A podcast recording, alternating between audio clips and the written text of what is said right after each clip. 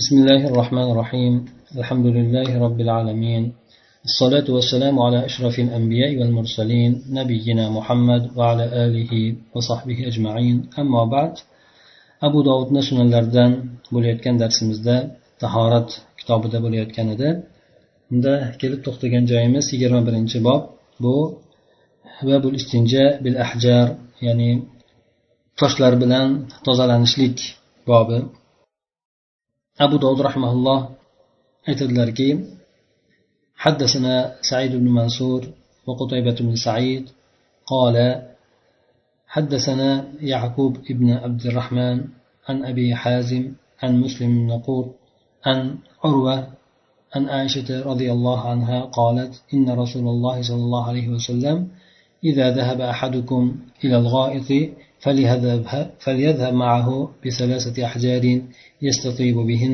فإنها تجزئ عنه bu hadisda abu dovud rahmaulloh oysha onamizdan rivoyat qilgan ekan oysha onamiz aytadilarki payg'ambar sallallohu alayhi vasallam shunday dedilar agar sizlarni birlaringiz tahorat ushlatgani ketadigan bo'lsa o'zi bilan birgalikda uchta dona uch dona tosh olib olsin yoki uch dona tosh yo kesak olib olsin bu bilan tozalanadi bular inson o'sha suv anhu ya'ni undan ya'ni suv ishlatishligidan insonni kifoya qiladi deb aytgan ekanlar.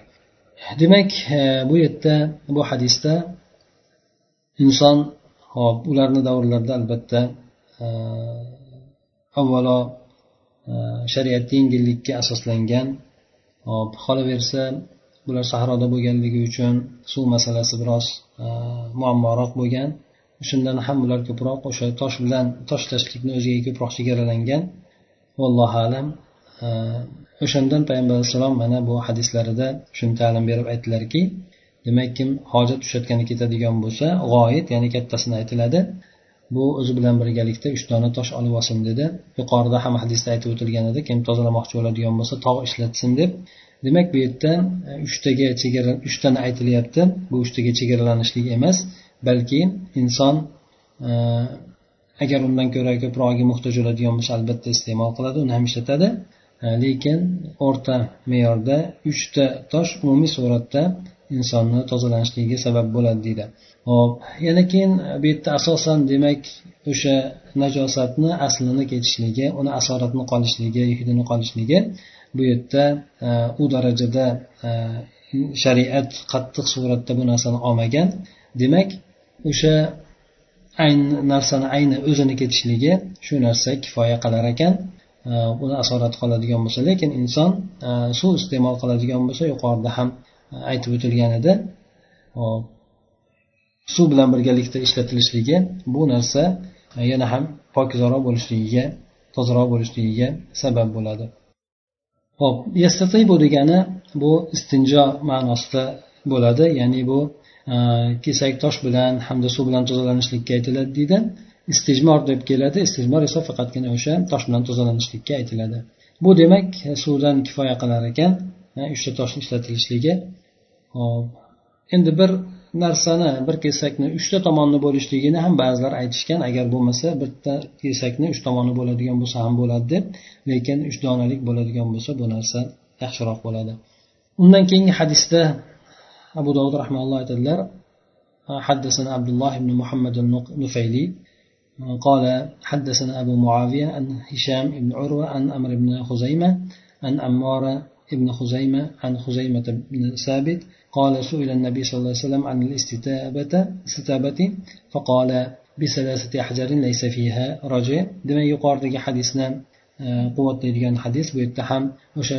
tozalanishlik haqida payg'ambar alayhisalom so'ragan paytlari so'ralgan paytlarida uchta tosh bilan deb aytgan ekanlar buni orasida o'sha tezak shunga o'xshagan narsa bo'lmaydi ya'ni tezak hisob nima qilinmasi kerak yuqoridagi hadislarda aytib o'tildi bu narsa to'g'risida toshni o'zi bo'ladigan bo'lsa demak uchta tosh bilan deb aytildi قال أبو داود كذا رواه أبو أسامة وابن نمير an hisham ya'ni hishomni urvadan ham e, shuningdek rivoyat qilgan ekan. Hishomni urva urvat ibn zubayrni farzandlari bo'ladi endi.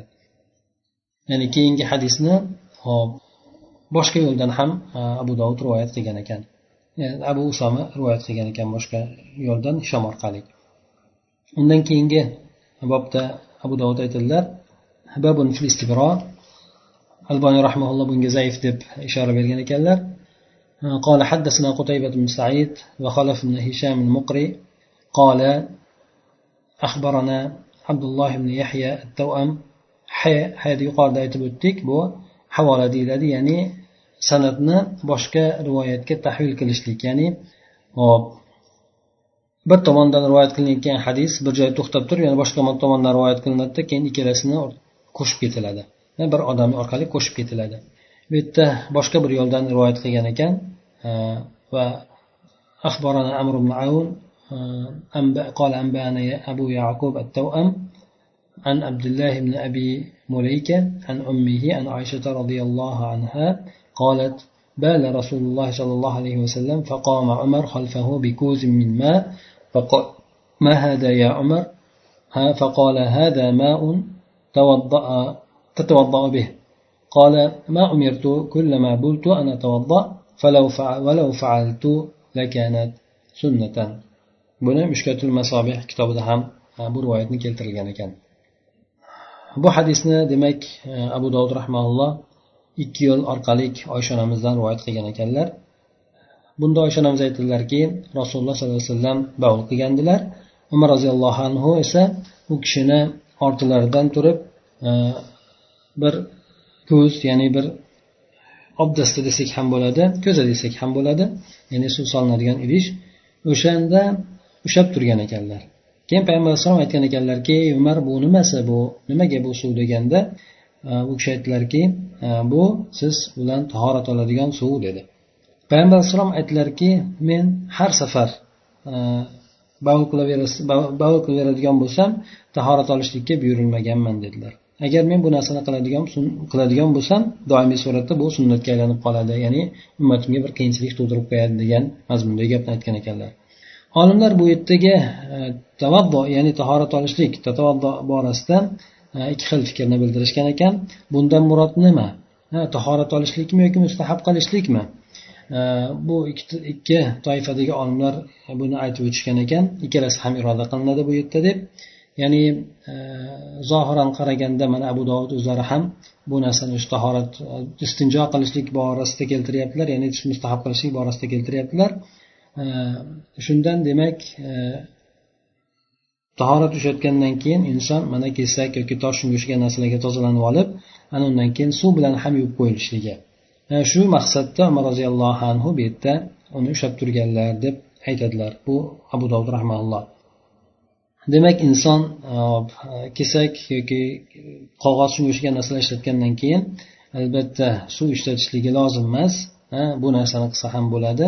Lekin payg'ambar alayhisalom shunday qilishlikka buyurilmaganman ham dedi. Ya'ni bitta so'z yuqorida ham hadisda kelgandek kifoya qiladi deb aytib o'tdilar. Shunday tahoratni e, shu mustahabni o'zini e, orqasidan ergashtirib qo'ysa ham bo'ladi. Bu narsa mana qubo ahlini to'g'risiga nozil bo'lingan oyatda ham bu narsani fazli to'g'risida aytilgan edi.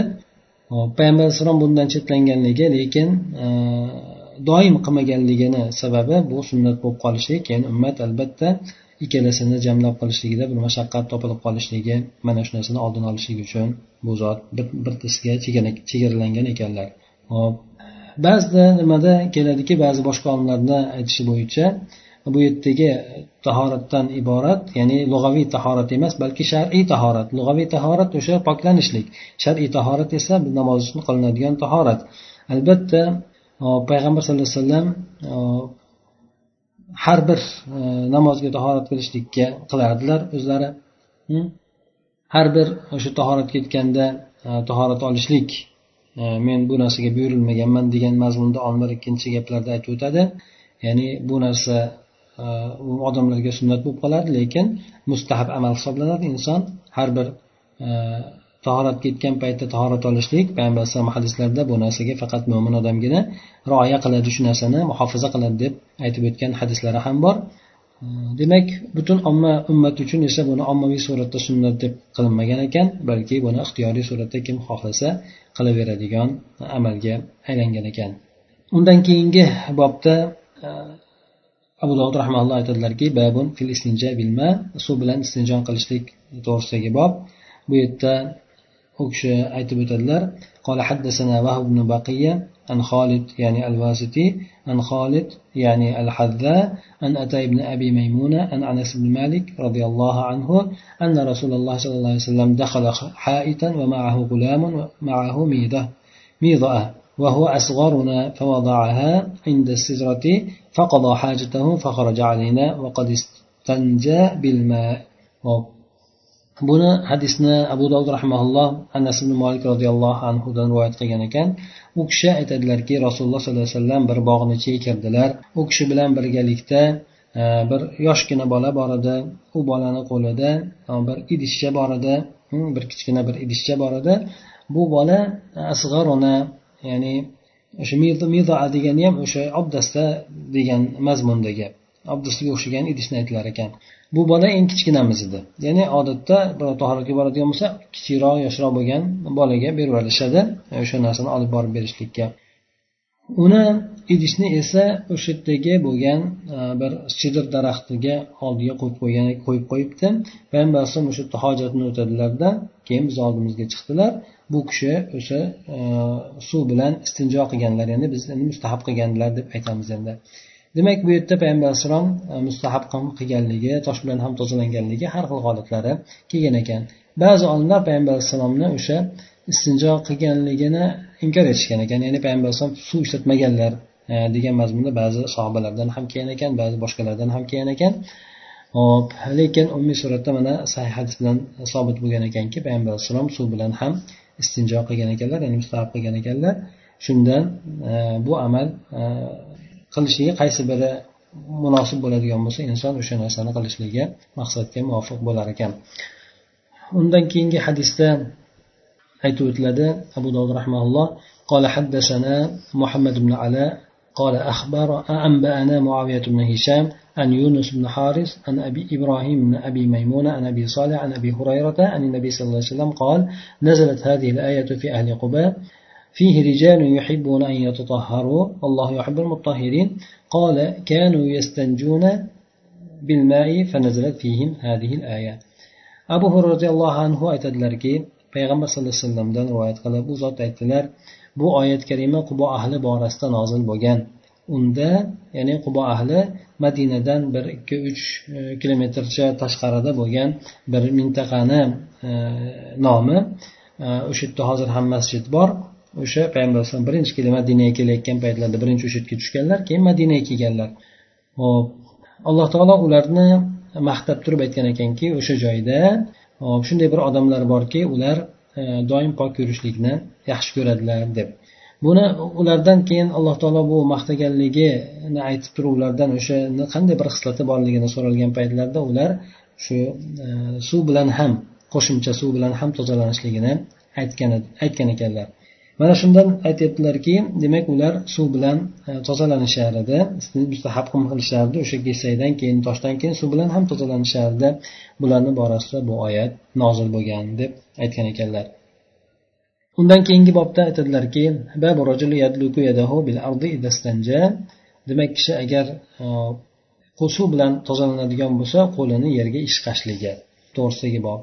bu albon rahmonalloh bu hadisga hasan deb ishora bergan ekanlar aytadilarki abu dovud قال حدثنا إبراهيم بن خالد أخبر قال أخبرنا أسود بن عامر قال أخبرنا شريك وهذا لفظه يعني bu kelayotgan lafz o'sha yo'l orqali rivoyat qilingan ekan bu hadisda kelayotgan ha tahvil qilinyapti sanat وحدثنا محمد بن عبد الله يعني المخزومي قال حدثنا وكيع عن شريك عن إبراهيم بن جرير عن المغيرة ابن مغيرة عن أبي زرعة عن أبي هريرة قال كان النبي صلى الله عليه وسلم إذا أتى الخلاء أتيته بماء في تور أو ركوة فاستنجى.